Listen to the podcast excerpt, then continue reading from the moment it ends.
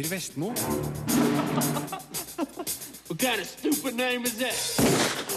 Suicide Squad er overraskende kjedelig og humørløs. I Am Setsuna er en nydelig hyllest til gamle japanske rollespill. Viggo Mortensen spiller sin beste rolle på lenge i Captain Fantastic, og Roald Dahls roman SVK Store vennlige kjempe har blitt en fin eventyrfilm fra Steven Spielberg. I tillegg til de her anmeldelsene skal Viggo Mortensen fortelle om hvordan det var å spille mot seks barn i Captain Fantastic, mens Steven Spielberg avslører hvor viktig SVK har vært for han og hans sju barn. Filmpolitiet. Filmpolitiet anmelder film. I want to build a team of some very bad people who I think can do some good. Suicide Squad hadde et stort potensial. Filmen hadde all forutsetninger til å bli morsom, fengende og underholdende. I stedet har det blitt et overraskende kjedelig og humørløst effektfyrverkeri som forteller en lite engasjerende historie som mangler originalitet. Persongalleriet er lovende, men det er altfor stort. Actionscenene er stilige, men tomme for spenning. Suicide Squad har sine stunder, men fremstår mest av alt som en bortkasta mulighet. some better Filmen tilhører tegneserieselskapet DC Comics sitt univers, der bl.a. Batman og Superman kommer fram. Nå trengs det nye krefter, og en representant for myndighetene, spilt av Viola Davies, rekrutterer en gruppe superskurker til hemmelige oppdrag i bytte mot reduserte straffer, bl.a. skarpskytteren Deadshot, spilt av Will Smith, og balltresvingende Harley Quinn, spilt av Margot Robbie. De holdes i tømmene av lagleder Rick Flagg, spilt av Joel Kinnaman, og når hele verden trues av eldgamle ånder, må Suicide Squad ta opp kampen ved hjelp av sine skurketriks. Don't forget, we're the bad guys. Regissør og manusforfatter David Ayer har full kontroll på det visuelle. Filmen er proft og tøft laga på all måte, slik man forventer at en storbudsjettsfilm skal være. Dessverre er det likevel ikke særlig morsomt å se filmen. Handlinga er uinteressant, humoren fungerer ikke, og persongalleriet klikker ikke helt. Will Smiths Deadshot og Margot Robbies Harley Quinn er de beste figurene i denne gjengen, men deres egenskaper utnyttes ikke til fulle. Jeg savner Smiths vitsing fra hans glansdager, mens Robbies yppige Lolita-figur skulle fått lov til å være enda frekkere og galere. Hennes beste scene er med kjæresten Joker, stilig spilt av Jared Leto, som dessverre ikke får være med lenge nok til å markere seg skikkelig. Han får heller ikke være voldsom nok. Filmens lave aldersgrense, tolv år i Norge, merkes for godt. Det her persongalleriet, bestående av skruppelløse skurker, burde ha fått utfoldt seg innafor et tøffere og grovere rammeverk, slik Deadpool gjorde med stor suksess. Known to be quite vexing. I'm just forewarning you. You die. Suicide Squad er dessverre for ujevn. Den fungerer best når den tøyer aldersgrensa med noen saftige actionsekvenser, men greier ikke å hevde seg i en sjanger der vi har blitt bortskjemt med høydepunkta de siste årene, stort sett fra Marvel. Suicide Squad var en av filmene jeg gleda meg mest til i høst, og er ikke helt bortkasta som tanketom kinoføde, men det er ikke nok, og føles dermed som en skuffelse. Terningkast tre. Les mer om film, spill og serier på p3.no Filmpolitiet. Filmpolitiet hver fredag fra 11 til 1 på P3. Filmpolitiet anmelder spill. I Am Setsuna er en hyllest til 90-tallets japanske rollespill. Det her spillet kom til PlayStation 4, PS Vita og PC i juli. Marte kasta seg over PS4-versjonen og mener at det her er det nydeligste spillet hun har testa på lenge. in a land of sorrow and bitter cold.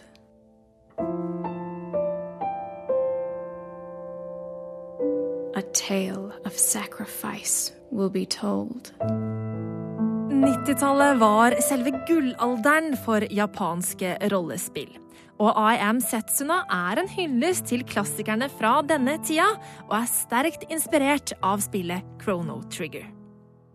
Død og oppofrelse er tema i spillet, og med sin snøkledde spillverden og nydelige lydspor blir dette en melankolsk, men vakker opplevelse. I Am Setsuna har det tradisjonelle fugleperspektivet på rollefigurer som beveger seg rundt i en flat spillverden. Der kameraet er fastsatt, og du må prate med hver eneste innbygger i landsbyen du møter, for å ikke gå glipp av hint om veien videre. En verden full av monstre du må bekjempe, med utallige kister med skatter du kan samle. Banebrytende blir det ikke når man skal gjenskape noe gammelt. Men I Am Setsuna er en fryd for den nostalgiske RPG-elskeren. A girl destined for death will give everything to save her people. Spillets tittelfigur er en god, snill og uselvisk pike som legger ut på en pilegrimsferd for å ofre seg selv for å tilfredsstille demonene som truer verden. Du spiller Endyr, en leiesoldat som blir vikla inn i Setsunas fortelling, og som går med på å beskytte henne mot farene som truer på veien til offerstedet. Sammen med bl.a. den krigerske jenta Aturna legger dere ut på den farefulle ferden. Hei. Fortellingen om Setsunas offer kan minne om Junas historie fra Final Fantasy 10. Men når det gjelder selve spillopplevelsen, er det likevel Chrono Trigger som er den største inspirasjonskilden for utviklerne i Tokyo RPG Factory, som har laga spillet. Kampsystemet er nærmest identisk, og dette er et system som gjør at du må handle raskt, og som bidrar til å gjøre spillets kampsekvenser til en underholdende affære. Rent visuelt er I Am Setsuna det nydeligste spillet jeg har sett på lenge. Og spillet har en tilbakeholdenhet som forsterker det melankolske temaet. Som barn ble jeg bergtatt av rollespillene som kom til Super Nintendo og PlayStation. Og selv om I Am Setsuna ikke kan måle seg med klassikerne det hyller, så har det klart å gjenskape følelsen av eventyrlig undring som jeg husker så godt.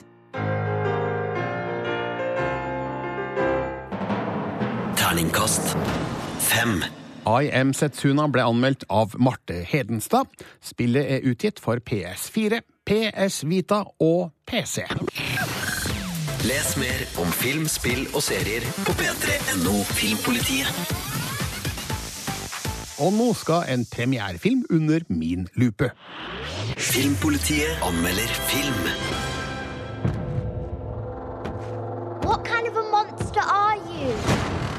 Forfatter Roald Dahls SVK, Store vennlige kjempe, havna i trygge hender når den skulle filmatiseres. Steven Spielberg har regissert en akkurat passe eventyrlig versjon av boka som alle barn og voksne har eller burde ha lest. Handlinga trekker ut i visse deler, og noen elementer har et litt gammelmodig preg over seg, men her har det kanskje handla om å være tro mot en folkekjær kilde.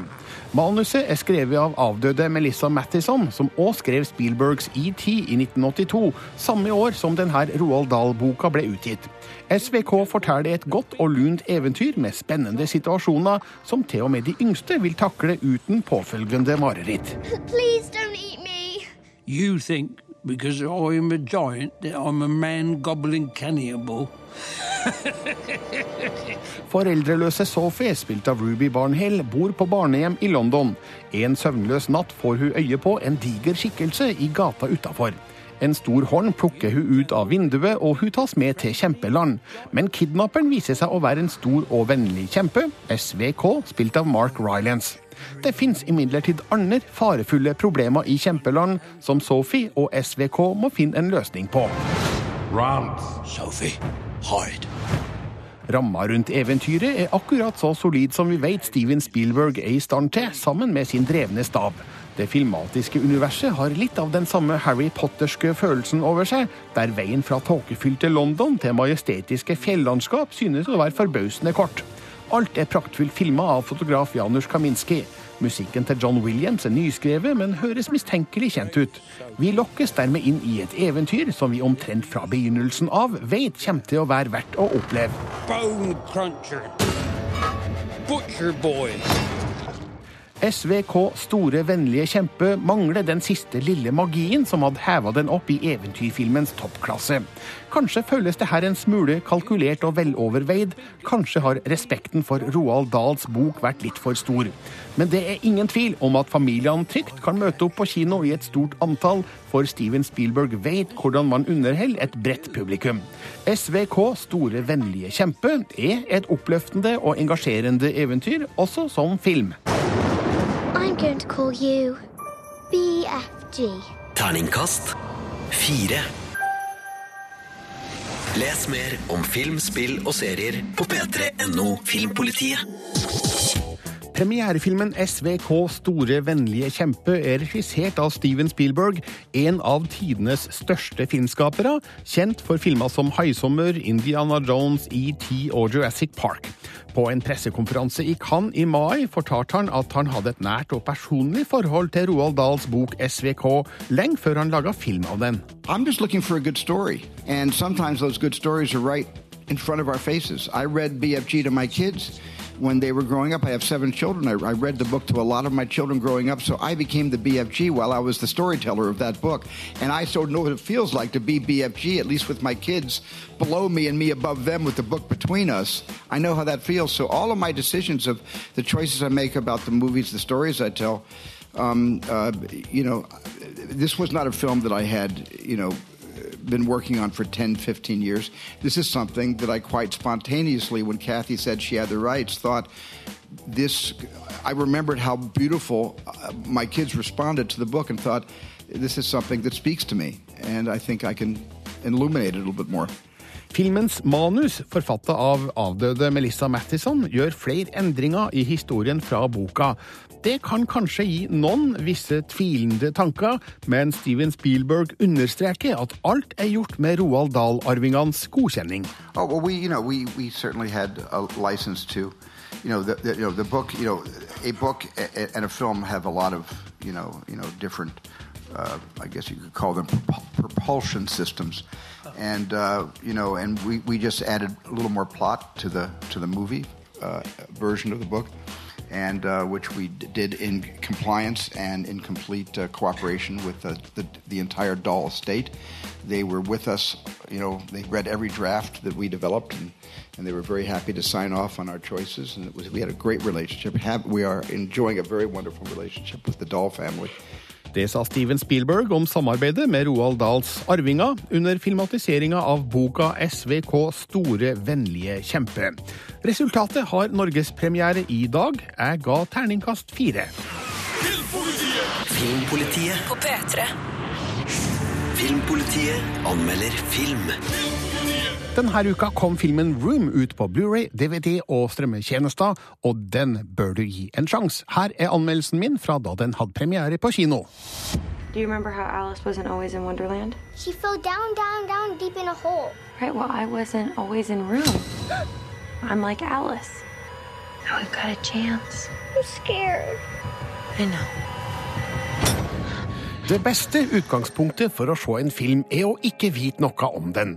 Det er som oftest umulig, men jeg greide faktisk å unngå enhver beskrivelse av Room, og kun se hele historien med totalt friske øyne. Dette er et varmt og rørende drama med noen svært spennende thrillerelementer.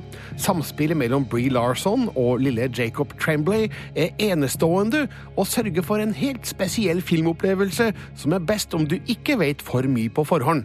Derfor skal jeg si lite om handlinga, i hvert fall mindre enn hva filmens trailer sjøl avslører. Ma, spilt av Bree Larson, og den fem år gamle sønnen Jack, spilt av Jacob Tremblay, bor i et lite rom med et takvindu.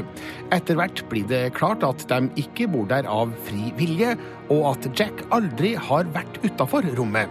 Men nå er han fem år, og Ma tror han kan være gammel nok til å bistå hun i et forsøk på å komme seg ut i verden. Truck. Truck. Wiggle out. Wiggle out. Jump. Jump. Run. Run. Bree Larson spiller godt som kjærlig forsørger under uvanlige omstendigheter. Hennes utvikling gjennom filmen berører emosjonelle strenger over hele spekteret, og Larson spiller med høy innlevelse og troverdighet. Det her har gitt hun en Golden Globe, en Screen Actors Guild-pris, en BAFTA-pris og en Oscar-nominasjon. Hennes prestasjon forsterkes av den fantastiske innsatsen til den nå ni år gamle Jacob Tremblay, som òg hadde fortjent et prisras.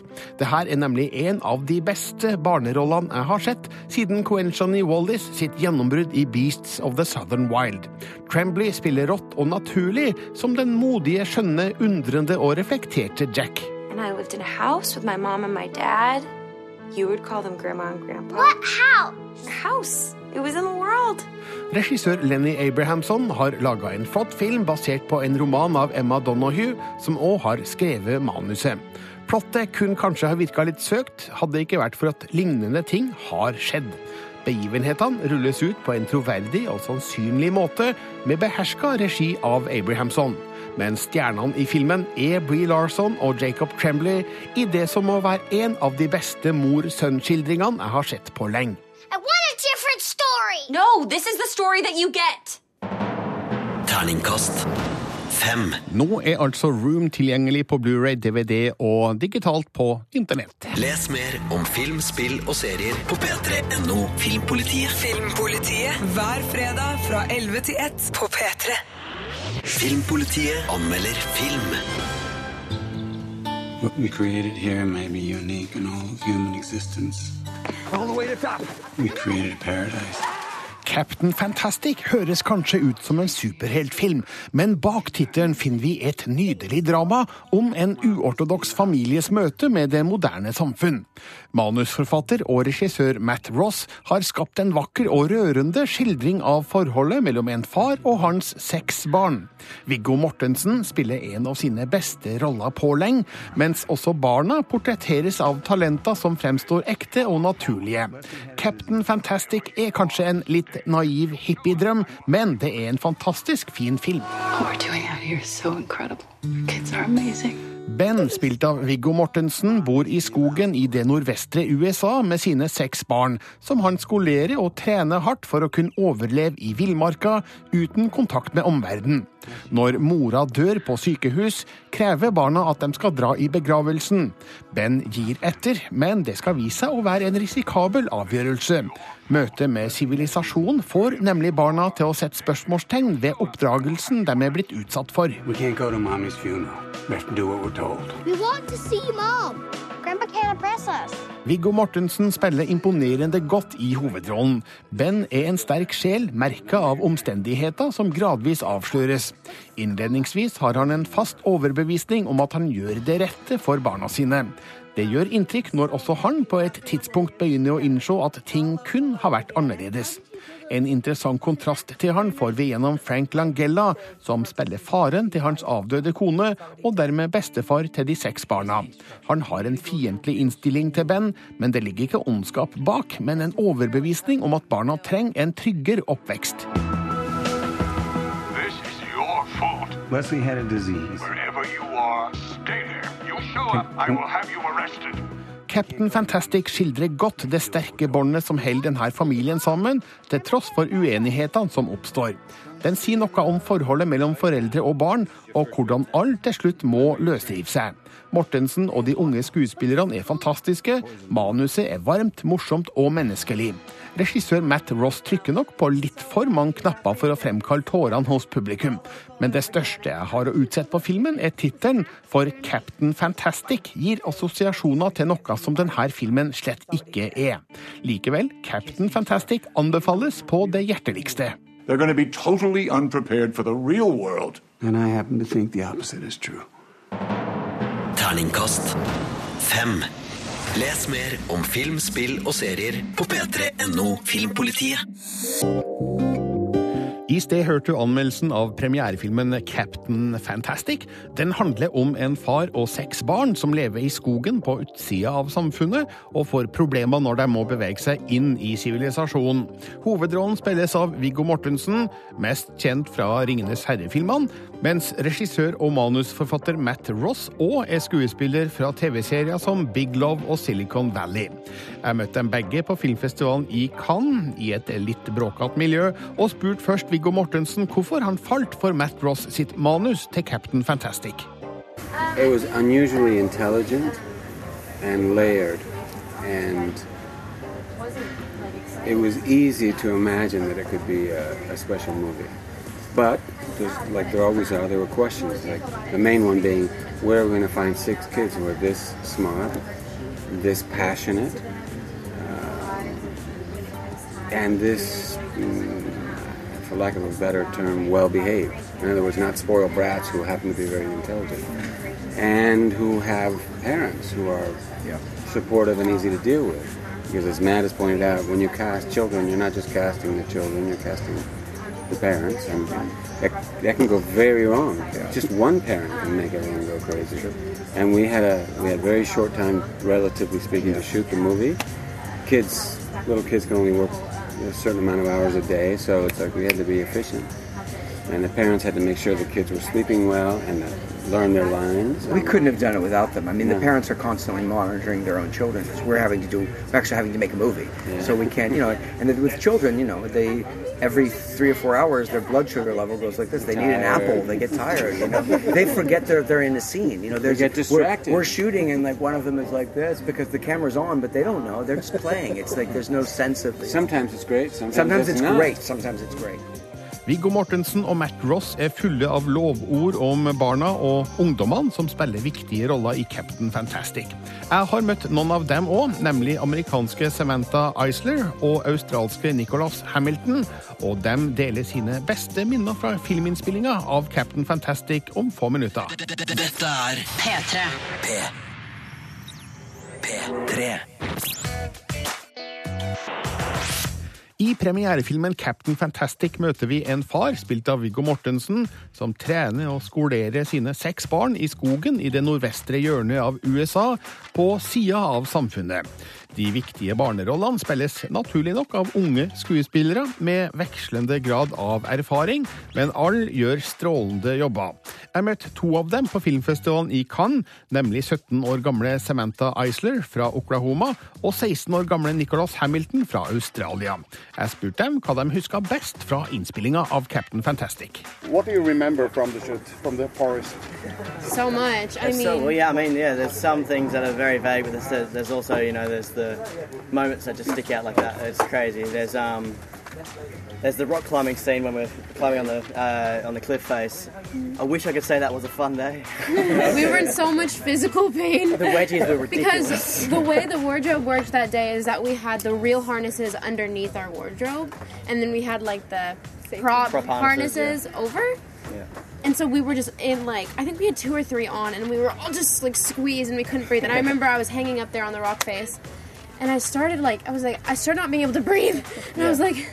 And someone down below was like, "Are you okay? Do you need to come down?" I was like, "I'm fine," because I hate complaining. I was like, I was like, "I'm fine, And then I started kind of like crying a little bit, but I like didn't mean to. Like my body just started doing it, and I was like, You were like convulsing. yeah, I was like, is it okay? Maybe I should come down. And I came down, and I guess one of the clips had like clipped a huge part of my skin, and was like cutting off circulation. Oh, it was ridiculous pain. But it looks beautiful, and that's all that matters. It looks like a good shot, so that's fine. Pretty hurts. It's all good. Also, The characters in the movie seems like a really close knit family. How, mm-hmm. how did you develop that bond between you as actors and I think, actresses? I think as soon as we got on set, we just clicked. There's like on the first day of set, I was the fir- I was, uh, that was my first day in America, and I came there, and the two youngest ones, uh, Charlie and uh, Shree, just run it, and I just ran into my arms, and it was you know it was that point that I just you know they'd been waiting so long for me to come there, and I, I was been waiting so long to come there. It's just. And I saw all the family, and it was, it was that it was that point that I knew that you know we were going to be a family, and you know I, there is no doubt in my mind that we're going to stay together forever. when it comes down to it, it's just the people. It was always been super organic. We're all incredibly close to this day. Even Vigo, the seven of us, are so close, and we love Matt. So yeah, I think, and when you're with the same people every night, every morning, every day for three months, you you kind of have to become someone close. Det sa Samantha Eisler, som spiller i premierefilmen Captain Fantastic, sammen med Nicholas Hamilton, som du òg hørte, samt Viggo Mortensen i en flott farsrolle. Den har norgespremiere i dag, og jeg har gitt den en glovarm anbefaling med en femmer på terningen. Filmpolitiet På P3. Vi skal snakke om en del interessante ting som skjer på filmfronten, og Marte Hedenstad, du har eh, en viss oversikt? Ja da, nå har jeg tatt en liten titt da, vet du, på hva som rører seg av nyheter eh, i film- og spillverdenen, da, vet du. Og vi skal først innom Jessica Chastain, og da handler det både om film og spill, faktisk. Ja, det gjør det, fordi eh, Jessica Chastain skal nemlig spille i The Division, altså filmen som er basert på Tom Clancy-spillet som kom eh, tidligere i år. Eh, Og det fikk jo ternekast fem her i Filmpolitiet. Du vet jo hva, Alle de her Tom Clancy-spillene de sklir litt over i Ja. hverandre for min del. Kan du bare kort gi en recap av Ja. The, The Division? I The Division så er det faktisk Vi går inn i sci-fi-universet. Eh, Det er et sånt fabrikkert virus som har spredd seg i New York, som på en måte er i fare for å utslette sivilisasjonen. Eh, Og så spiller du da en soldat i en sånn motstandsgruppe som skal prøve å redde folk, da. Og hun blir ikke helt alene i The Division. Nei, eh, Jake Gyllenhaal han har allerede vært bekrefta, men nå har altså Ubisoft avslørt at Chastain skal spille med han. Ja, Et ganske høyt nivå der, altså, på to av de involverte, i hvert fall. Vi skal også innom Fantastic Beasts and Where to Find Them, som har premiere i november. Ja, 18. november kommer den på kino, men Warner Brothers de regner nok med at den filmen kommer til å bli godt besøkt allerede. Ja, fordi dette er jo basert på JK Rowlings eh, Harry Potter-univers. Mm, det er den. Eh, Og nå er det altså da bekrefta at den får en oppfølger. Eh, Men planen fra starten var jo å lage en trilogi om han Newt Scamander, som er da en sånn magisk zoolog på jakt etter spennende monstre. Mm. Eh, Og JK Rowling har hatt manuset klart for en oppfølger en god stund, men nå har altså Warner Brothers offisielt gått videre med filmen og bekrefta at det blir en oppfølger i 2018. Dette er Filmpolitiet Filmpolitiet på P3. Filmpolitiet på P3.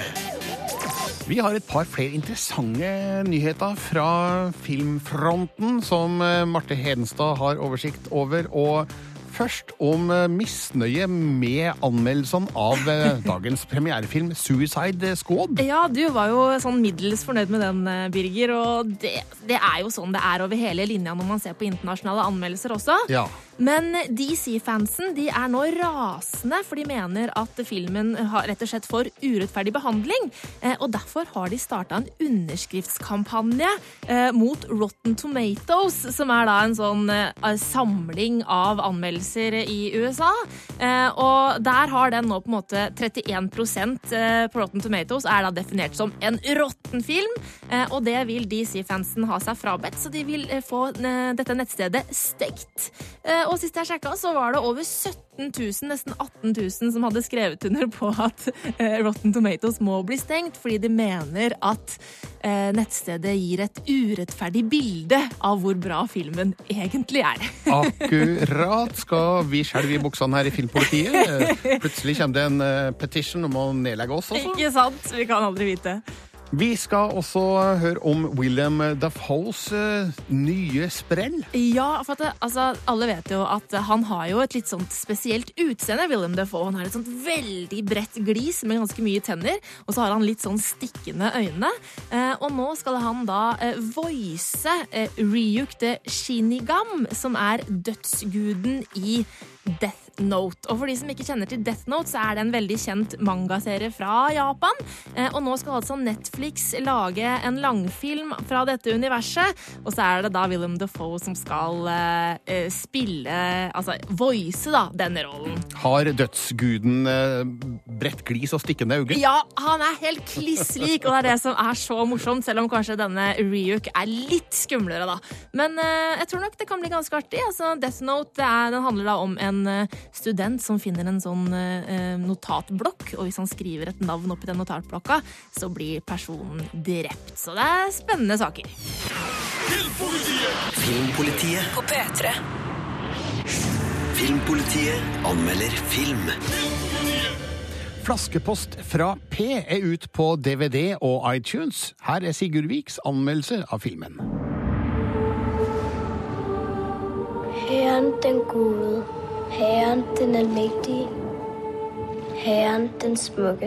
Flaskepost fra P er en fartsfylt spenningskrim som fungerer godt for oss som er glad i en underholdningsfokusert politijakt på en sadistisk seriemorder.